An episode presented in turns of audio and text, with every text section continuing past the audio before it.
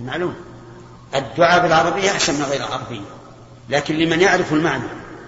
أما من لا يعرف المعنى فالدعاء بلغته أفضل. حتى يكون الدعاء بخشوع وإنابة إلى الله عز وجل. أما إذا كان لا يعرف العربية وصار يتلو آه، كلمات لا يعرف معناها فلا فلا. نقول ادعو بلغتك فهو أفضل. ها؟ نعم نعم. الدعاء يجوز بغير اللغة العربية. الذي لا بد فيه من العربية هو القرآن. إذا أن يصل إيش؟ إيش؟ إي نعم نعم نعم. واصل صلاة الوتر بثلاث. يجوز أن يسلم من ركعتين ويجوز أن يصل الثلاث كلها لكن لا يتشهد الثانية فيشبه صلاة المغرب. حتى بدون خوف. أي نعم نعم. لا بأس لأنها كلها وتر. نعم. بسم الله الرحمن الرحيم. الحمد لله رب العالمين والصلاة والسلام على أشرف الأنبياء والمرسلين نبينا محمد وعلى آله وأصحابه أجمعين. أما بعد فقد قال الإمام البخاري رحمه الله تعالى في صحيحه في كتاب التطوع باب التطوع بعد المكتوبة. حدثنا مسدد قال حدثنا يحيى بن سعيد عن عبيد الله قال أخبرنا نافع عن ابن عمر رضي الله عنهما قال صليت مع النبي صلى الله عليه وسلم سجدتين قبل الظهر وسجدتين بعد الظهر وسجدتين بعد المغرب وسجدتين بعد العشاء وسجدتين بعد الجمعة فأما المغرب والعشاء ففي بيته. حدثتني أختي حفصة أن النبي صلى الله عليه وسلم كان يصلي سجدتين خفيفتين بعدما يطلع الفجر. وكانت ساعة لا أدخل على النبي صلى الله عليه وسلم فيها. وقال ابن أبي الزناد عن موسى بن عقبة عن نافع بعد العشاء في أهله. تابعه كثير بن فرقد وأيوب عن نافع.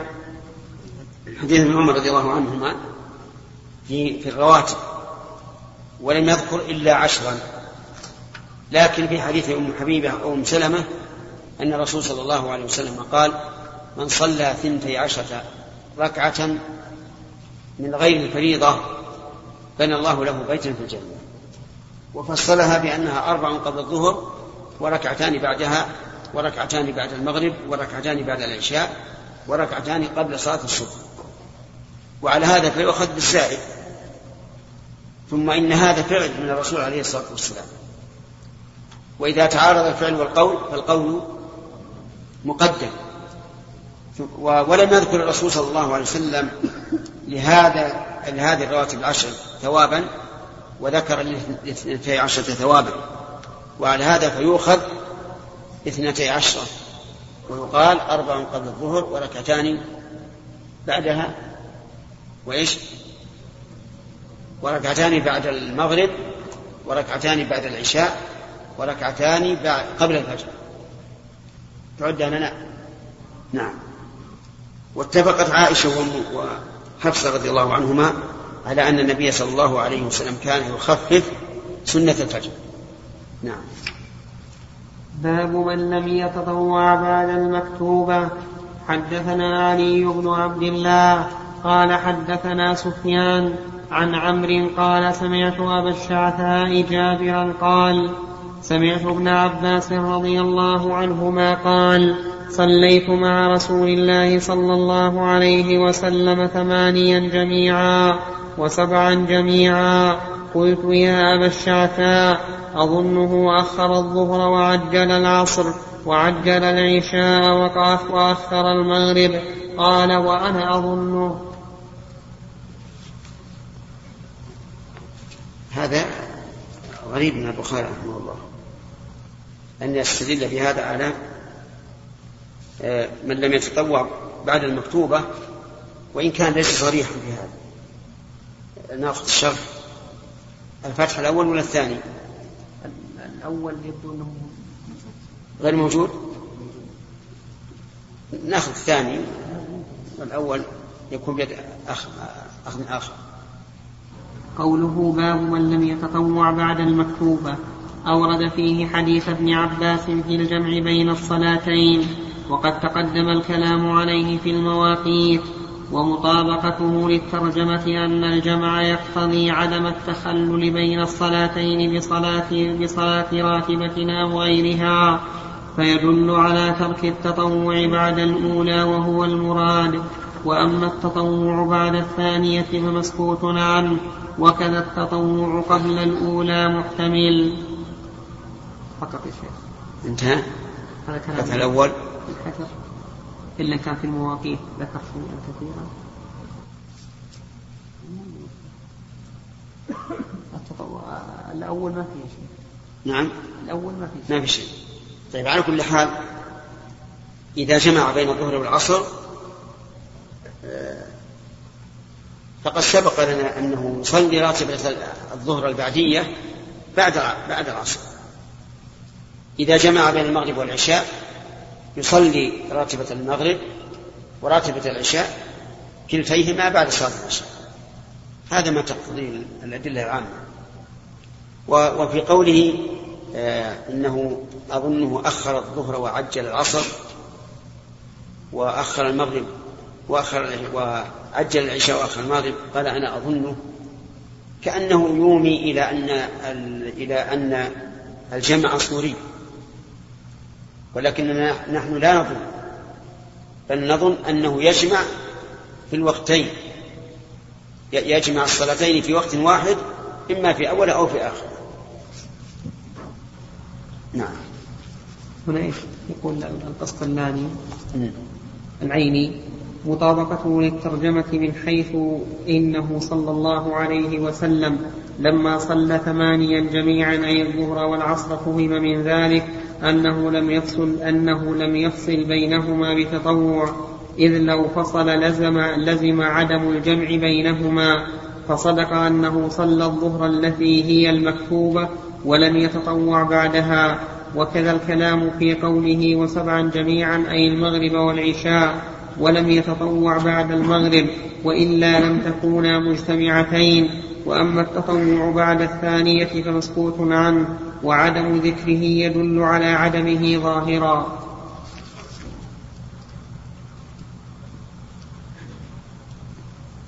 ذكر هنا يعني الحديث يقول أخرجه في باب المواقيت في باب تأخير الظهر إلى العصر عن أبي النعمان عن حماد عن حماد بن زيد عن عمرو بن دينار عن جابر بن زيد عن ابن عباس أن النبي صلى الله عليه وسلم صلى بالمدينة سبعا وثمانيا الظهر والعصر والمغرب والعشاء. فقال أيوب لعله في ليلة مطيرة. قال عسى وقد مر الكلام فيه مستقصا هناك. طيب. نعم. باب صلاة الضحى في السفر. حدثنا مسدد. قال حدثنا يحيى عن شعبة عن توبة عن مورق قال قلت لابن عمر رضي الله عنهما أتصلي الضحى؟ قال لا. قلت فعمر قال لا. قلت فأبو بكر قال لا. قلت فالنبي صلى الله عليه وسلم قال لا إخاله. يعني لا أظن. حدثنا آدم قال حدثنا شعبة قال حدثنا عمرو بن مرة قال سمعت عبد الرحمن بن أبي ليلى يقول ما حدثنا أحد أنه رأى النبي صلى الله عليه وسلم يصلي الضحى غير أم هانئ فإنها قالت إن النبي صلى الله عليه وسلم دخل بيتها يوم فتح مكة فاغتسل وصلى ثماني ركعات فلم أر صلاة قط أخف منها غير أنه يتم الركوع والسجود. هذه الصلاة التي صلاها النبي صلى الله عليه وعلى آله وسلم يوم فتح مكة. قال بعضهم إنها صلاة, إنها صلاة الضحى. وقالوا إن أكثرها ثمان ركعات. وقال بعض العلماء إن هذه صلاة الفتح وأنه ينبغي لمن فتح مدينة أن يصلي ثمانية ركعات تأسيا برسول الله صلى الله عليه وعلى آله وسلم. فهذا الاحتمال الأول يكون فيه دليل على صلاة الضحى في في السفر. وعلى الاحتمال الثاني لا دليل فيه. وما دام هذا الحديث محتملا فلينظر هل كان الرسول عليه الصلاة والسلام يصلي الضحى في السفر أو لا. فإذا قلنا إن الظاهر أنه لا يصلي. ولهذا قال ابن عمر لا إخاله ولم يجزم. إذا قلنا إن الظاهر إنه لا يصلي. فهل يعني ذلك أننا لا, نصلي؟ سبق لنا أن قلنا إن النبي صلى الله عليه وعلى آله وسلم لما ذكر أن على كل عضو من بدن آدم صدقة. قال يجزي من ذلك ركعتان يركعهما في الضحى. وهذا وحده كاف في أن الإنسان ينبغي له أن لا يدع صلاة الضحى. لا حضرا ولا سفرا. لأنها تكفر كل الصدقات التي على مفاصله والمفاصل ثلاثمائة وستون مفصلا كما جاء ذلك في صحيح مسلم. نعم. باب من لم يصلي الضحى ورآه واسعا. حدثنا آدم قال حدثنا ابن أبي ذئب عن الزهري عن عروة عن عائشة رضي الله عنها قالت ما رأيت رسول الله صلى الله عليه وسلم سبح سبحة الضحى وإني لأسبحها. هذا الحديث لا يقال إن عائشة رضي الله عنها تعارض هدي الرسول صلى الله عليه وسلم وحاشاها من ذلك. لكن هي رأت أن الرسول صلى الله عليه وسلم لا يسبحها خوفا من أن تفرض على الأمة. وكان يدع الشيء مع اختياره له خوفا من أن يفرض على الأمة فيلزمها شيئا هي في عافية منه. وإني لأسبحها هذا مما يدل على أن عندها علما بأن الرسول صلى الله عليه وسلم يحبها ويرغب أن تصلي. لأن لأنه لولا هذا الاحتمال لكانت عائشة تشرع ولا يمكنها أن تشرع. فعائشة رضي الله عنها تقول إن الرسول لم يصلها حسب رؤيتها أيضا. لو جاء لو جاءت رواية عن غير عائشة أنه يصليها لما كانت منافية لحديث لرواية عائشة. لأنها قالت ما رأيته. وهو قد يصلي في غير بيت عائشة رضي الله عنها. نعم. باب باب صلاة الضحى في الحضر. قاله قاله عتبان بن مالك عن النبي صلى الله عليه وسلم. حدثنا مسلم بن إبراهيم. لكن صلاة حديث عتبان عتبان رضي الله عنه سبق أن سببه أنه طلب من النبي صلى الله عليه وسلم أن يخرج إليه ويصلي في بيته في مكان يتخذه مصلى. فصادف أن الرسول صلى الله عليه وسلم خرج متى؟ خرج ضحى نعم حدثنا مسلم بن إبراهيم قال أخبرنا شعبة قال حبت حدثنا عباس عباس الجريري هو ابن فروخ عن أبي عثمان النهدي عن أبي هريرة رضي الله عنه قال أوصاني خليلي بثلاث لا أدعهن حتى أموت. صوم ثلاثة أيام من كل شهر وصلاة الضحى ونوم على وتر. صوم ثلاثة أيام من كل شهر سواء في أول أو آخر وسواء كانت متتابعة أو متفرقة الأمر فيها واسع ولهذا كان النبي صلى الله عليه وعلى آله وسلم لا يبالي أصامها من أول الشهر أو وسطها أو آخره لكن الأفضل أن تكون في أيام البيت الثالث عشر والرابع عشر والخامس عشر. كما نقول مثلا الصلاة في هذا الوقت كله والأفضل أن تقدم.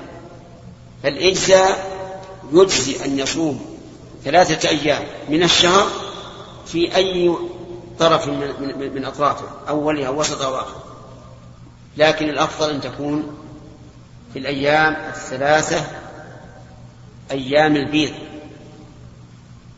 وش معنى أيام البيض؟ نعم.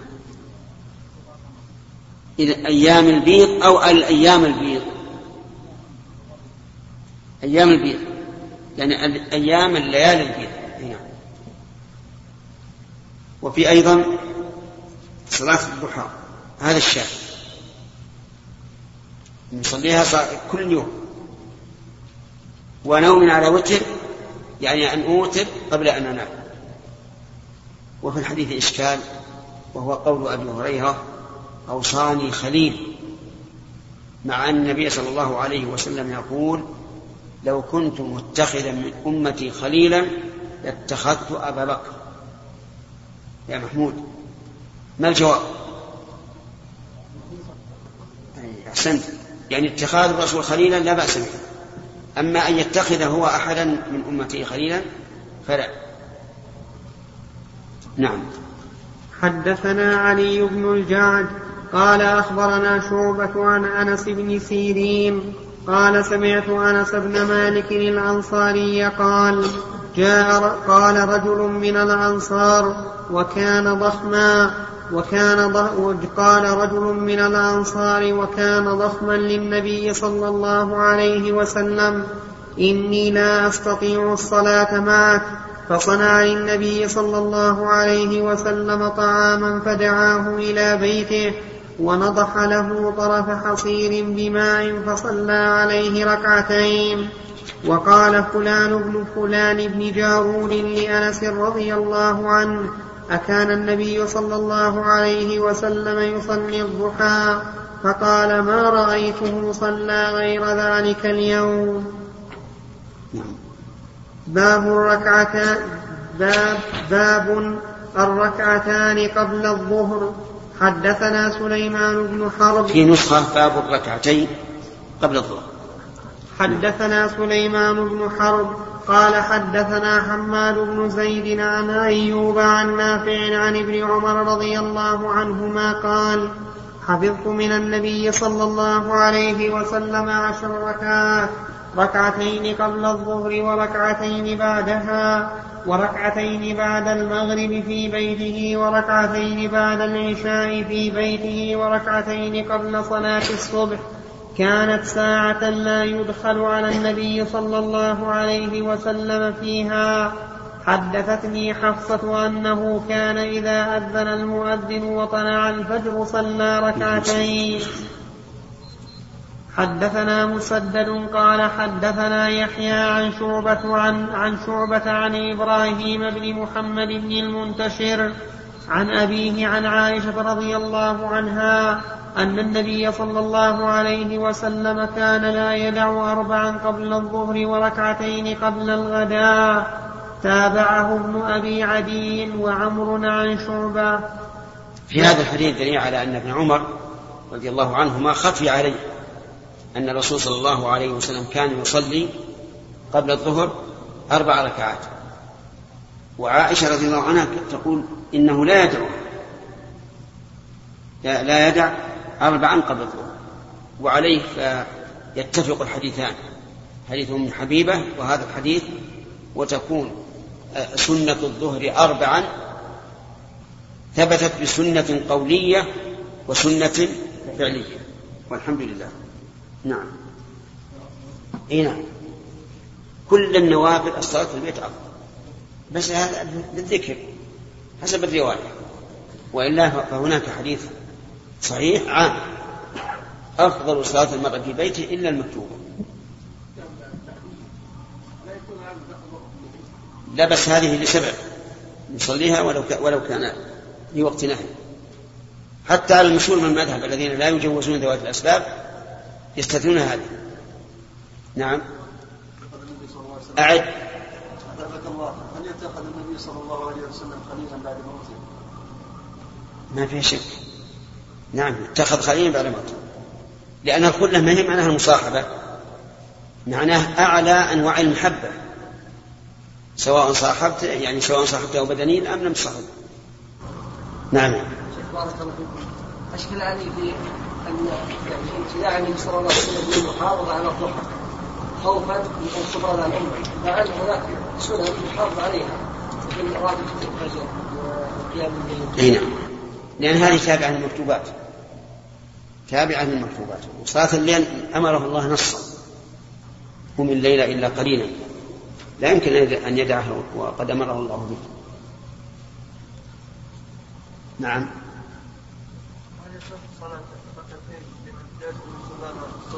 إيش؟ صلاة ركعتين لمن؟ يسكن مصلاه بعد الصبح لمن؟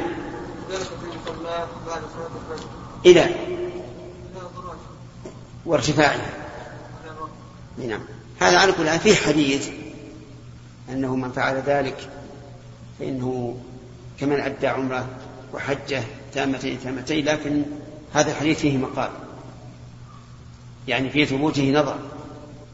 أما الصحيح الذي ثبت به السنة أن الرسول صلى الله عليه وسلم كان يجلس في مصلاه بعد صلاة الفجر حتى تطلع الشمس حسنا ولكن ما فيها أنه يصلي.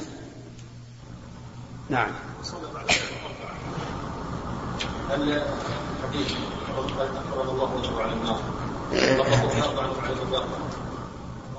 اي من ضمنها الراتبه نعم. لا ما يزيد. يزيد ركعتين فقط.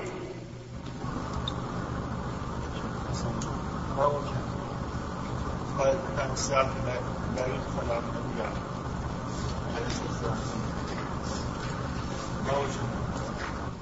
بعد الفجر من يجي للرسول عليه الصلاة والسلام المضايقة. يأتي بعد بعد أذان الفجر وقبل الصلاة إلى بيت الرسول عليه الصلاة والسلام. ابن عمر رضي, رضي الله عنه في سياق آخر يقول لا أدخل مع أنه أخو حفصة. هل في هذا هل في هذا السبب أنه كانت أنه كان في ذكر؟ أنه في؟ لا ما ما يستفاد يستفاد أن هذه جرت العادة أن الناس لا يضايقون في مثل هذه الساعة. ربما يقال إذا صح الحديث.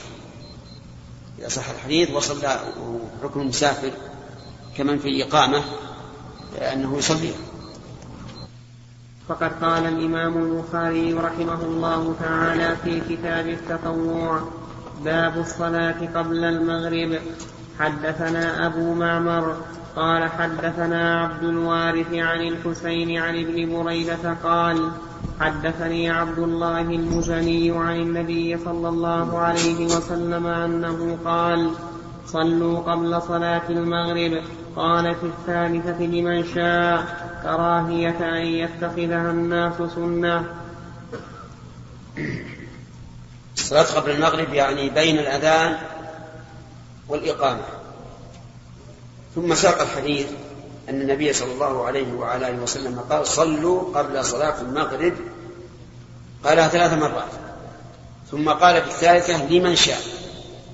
وقال كراهية أن يتخذها الناس سنة.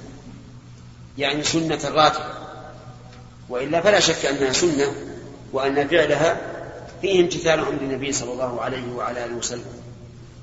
وعلى هذا فهل يقال إن الإنسان ينبغي أن يداوم عليها. نقول الأفضل أن لا يداوم. لأن لأن قوله صلى الله عليه وسلم لمن شاء كره أن يتخذ الناس وقد يقال إن هذا فهم عبد الله المزني كراهية أن يتخذ الناس سنة وأن قول الرسول صلى الله عليه وسلم لمن شاء لئلا يعتقدها الناس واجبا فإنه لما كرر الأمر بها صلوا قبل المغرب صلوا قبل المغرب صلوا قبل المغرب فإن الإنسان إذا سمع هذا الأمر من الرسول صلى الله عليه وعلى آله وسلم وهو أمر مكرر سوف ينطبع في ذهنه إيش؟ أنها واجبة. فقال لمن شاء لئلا يظن الظان أنها واجبة. وعلى هذا نقول المداومة عليها أفضل. ولعلنا نراجع الشرح بسم الله. الفتحان الفتح. الثاني. الفتح الثاني طيب. الفتح الأول متعطل. ها؟ أول الفتح الأول؟ الظاهر أن الفتح الأول في هذا يمكن يكون أبسط يعني أوسع. ساقط هذا منه ها؟ هذا ساقط منه. جيد. هنا نعم؟ لا نكمل الفتح الأول. طيب. شاء الله الثاني خير قوله باب الصلاة قبل المغرب. لم يذكر المصنف الصلاة قبل العصر. وقد ورد فيها حديث لأبي هريرة مرفوع. لفظه رحم الله امرأ صلى قبل العصر أربعا. أخرجه أحمد وأبو داود والترمذي وصححه ابن حبان. وورد من فعله أيضا من حديث علي بن أبي طالب. أخرجه الترمذي والنسائي وفيه أنه كان يصلي قبل العصر أربعا وليس على شرط البخاري. قوله عن الحسين هو ابن ذكوان المعلم هو ابن ذكوان المعلم. قوله حدثني عبد الله المزني هو ابن مغفل بالمعجمة والفاء المشددة. قوله صلوا قبل صلاة المغرب. زاد أبو داود في روايته عن الفربري عن عبد الوارث بهذا الإسناد صلوا قبل المغرب ركعتين ثم قال صلوا قبل المغرب ركعتين وأعادها الإسماعيلي من هذا الوجه ثلاث مرات وهو موافق لقوله في رواية المصنف قال في الثالثة لمن شاء. وفي رواية أبي نعيم في المستخرج صلوا قبل المغرب ركعتين قالها ثلاثا ثم قال لمن شاء قوله كراهية أن يتخذها الناس سنة قال المحب الطبري لم يرد نفي استحبابها لأنه لا يمكن لم يرد. نفي استحبابها لأنه لا يمكن أن يأمر بما لا يستحب بل هذا الحديث من أقوى الأدلة على استحبابها ومعنى قوله سنة أي شريعة وطريقة لازمة وكأن المراد انحطاط مرتبتها عن رواتب الفرائض ولهذا ولهذا لم يعدها أكثر الشافعية في الرواتب واستدركها بعضهم. وتعقب بأنه لم يثبت أن النبي صلى الله عليه وسلم واظب عليها وتقدم الكلام على ذلك مبسوطا في باب في باب كم بين الأذان والإقامة من أبواب الأذان. ضرب معكم. أبواب الأذان مهم معكم. هذا المجلد الأول. والصلاة تراها حليل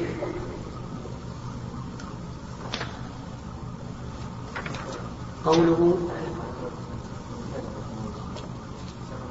نعم في ها؟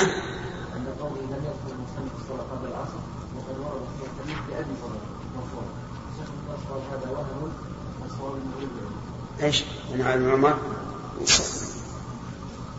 نعم ذكر ما يستفاد منه. اختلف السلف في من هذا؟ هذا العيني ذكر ما يستفاد منه. اختلف السلف في التنفل قبل المغرب فأجازه طائفة من الصحابة والتابعين والفقهاء وحجتهم هذا الحديث وأمثاله.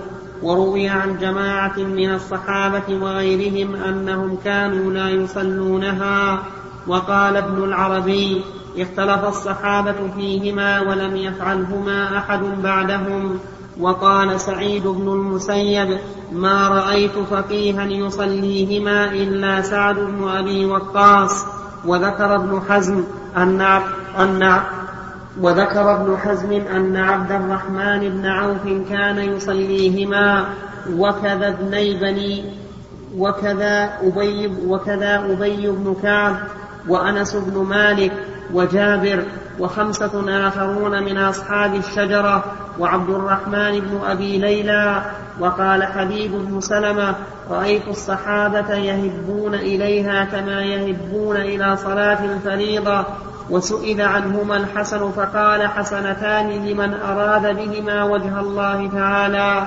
وقال ابن بطال وهو قول أحمد وإسحاق وفي المغني ظاهر كلام أحمد أنهما جائزتان وليستا سنة.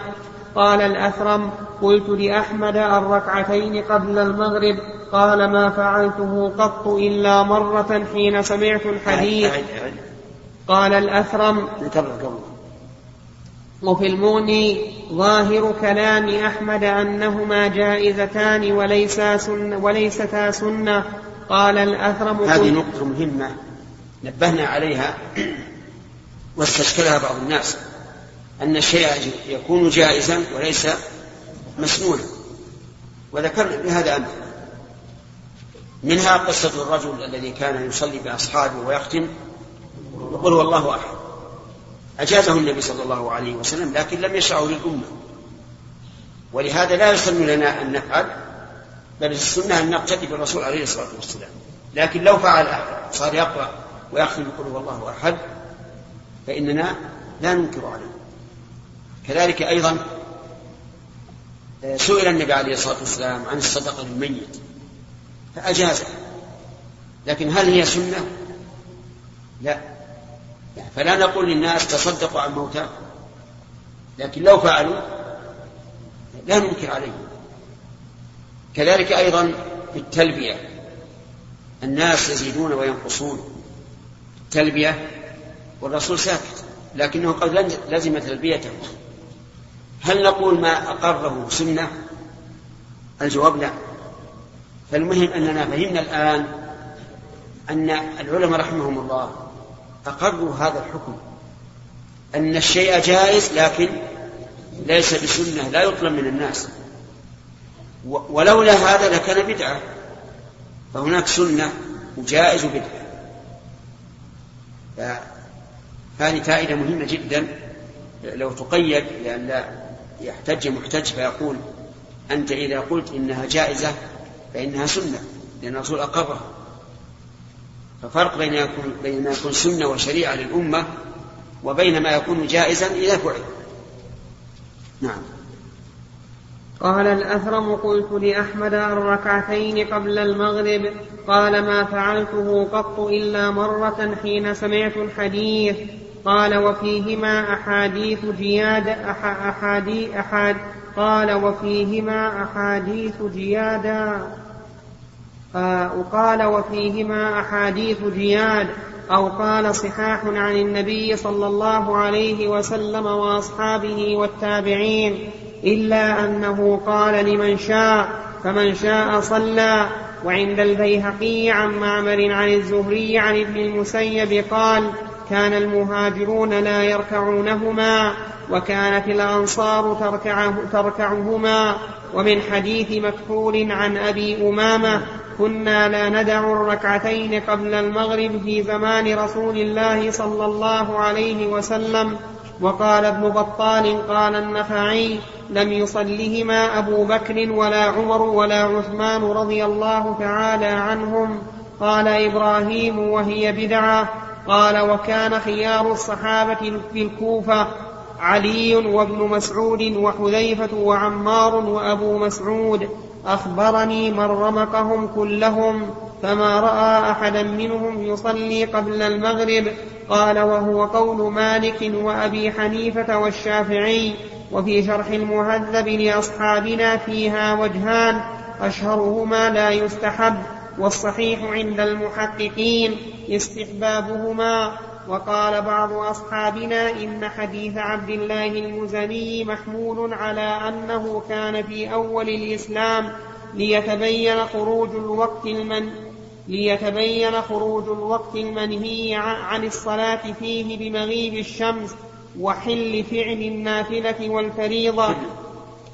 وحل. وحل فعل النافلة والفريضة. ثم التزم الناس المبادرة لفريضة الوقت لئلا يتبطأ الناس بالصلاة عن وقتها الفاضل. وادعى ابن شاهين أن هذا الحديث منسوخ بحديث عبد الله بن بريدة عن أبيه قال قال رسول الله صلى الله عليه وسلم إن عند كل أذانين ركعتين ما خلا المغرب ويزيده وضوحا ما رواه أبو داود في سننه. قال حدثنا محمد بن بشار قال حدثنا محمد بن جعفر قال حدثنا شعبة عن أبي شعيب عن طاووس قال سئل ابن عمر عن الركعتين قبل المغرب فقال ما رأيت أحدا على عهد رسول ما رأيت أحدا عن عهد رسول الله صلى الله عليه وسلم يصليهما. ورخص في الركعتين بعد عن لازم على. عن؟ عندي عن. ها؟ عندي عن. إيه ما ما مستقيم على. أو يقال من عهد رسول الله. فقال ما رأيت أحدا على عهد رسول الله صلى الله عليه وسلم يصليهما ورخص في الركعتين بعد العصر, بعد العصر. قال أبو داود سمعت يحيى بن معين يقول هو شعيب يعني وهم شعبة في اسمه. قلت يعني وهم في ذكره في الكنية وليس كذلك بل هو شعيب وسنده صحيح. وقال ابن حزم لا يصح. لأنه عن أبي شعيب أو شعيب ولا يدرى من هو ورد عليه بأن وكيعا وابن أبي غنية رويا عنه وقال أبو زرعة لا بأس به وذكره ابن حبان في الثقات وقال ابن خلفون روى عنه عمر بن عبيد الطنافسي وموسى بن إسماعيل التبوذكي على كل الحديث يحتمل أن المعنى كراهة أن يتخذ الناس سنة أي سنة الراتب كالرواتب أو يتخذ الناس سنة سنة مشروعة.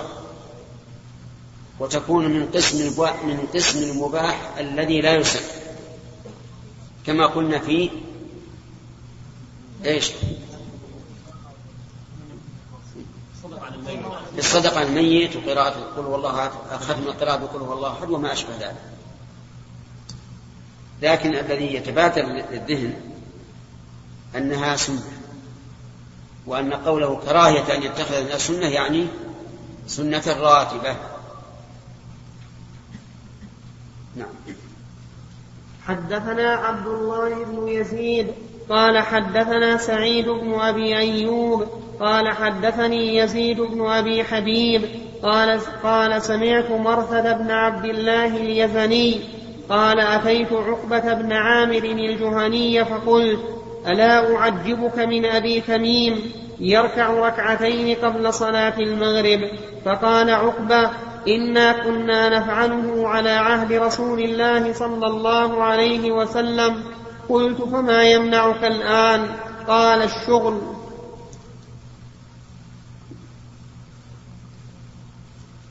باب صلاة النوافل جماعة. ذكره أنس وعائشة رضي الله عنهما عن النبي صلى الله عليه وسلم.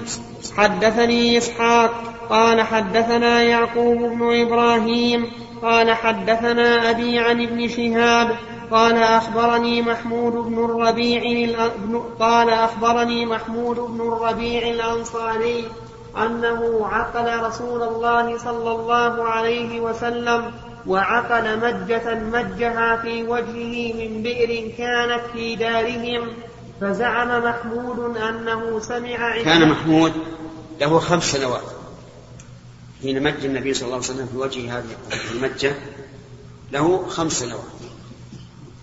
وعقلها ورواها عن النبي صلى الله عليه وسلم قال العلماء ففي هذا دليل على أن زمن تحمل الراوي لا يتقيد بسبع سنوات وأنه متى عقل صح سماعه. ولو كان دون السبع هذه المجة التي مجها الرسول عليه الصلاة والسلام هل مجها للتبرك بها أو للمسح على هذا الصبي؟ كما يجري الآن الظاهر والله أعلم الظاهر والله أعلم أن هذا من باب التبرك بها نصر المجة في وجهه ليحل في هذا الوجه البركة بالاستنارة والطلاقة وما أشبه ذلك. هذا هو الذي يظهر. لأن المسح بمثل ذلك قد لا يكون مناسبا خصوصا الصغير لأنه قد يرتعش وينفعل من هذا. نعم. فزعم محمود فزعم محمود أنه سمع عثمان بن مالك الأنصاري رضي الله عنه وكان ممن شهد بدرا مع رسول الله صلى الله عليه وسلم يقول كنت أصلي لقومي ببني سالم وكان يحول بيني وبينهم واد إذا جاءت الأمطار فيشق علي اجتيازه قبل مسجدهم فجئت رسول الله صلى الله عليه وسلم فقلت له إني أنكرت بصري وإن الوادي الذي بيني وبين قومي يسيل إذا جاءت الأمطار فيشق علي اجتيازه فوددت أنك تأتي فتصلي من بيتي مكانا أتخذه مصلى. فقال رسول الله صلى الله عليه وسلم سأفعل. فغدا علي رسول الله صلى الله عليه وسلم وأبو بكر رضي الله عنه بعدما اشتد النهار فاستأذن رسول الله صلى الله عليه وسلم فأذنت له فلم يجلس حتى قال أين تحب أن أصلي من بيتك؟ فأشرت له إلى المكان الذي أحب أن أصلي فيه فقام رسول الله صلى الله عليه وسلم فكبر وصففنا وراءه فصلى ركعتين ثم سلم وسلمنا حين سلم فحبسته على خزير يصنع له فسمع أهل الدار الفوائد من هذا؟ الحديث طويل.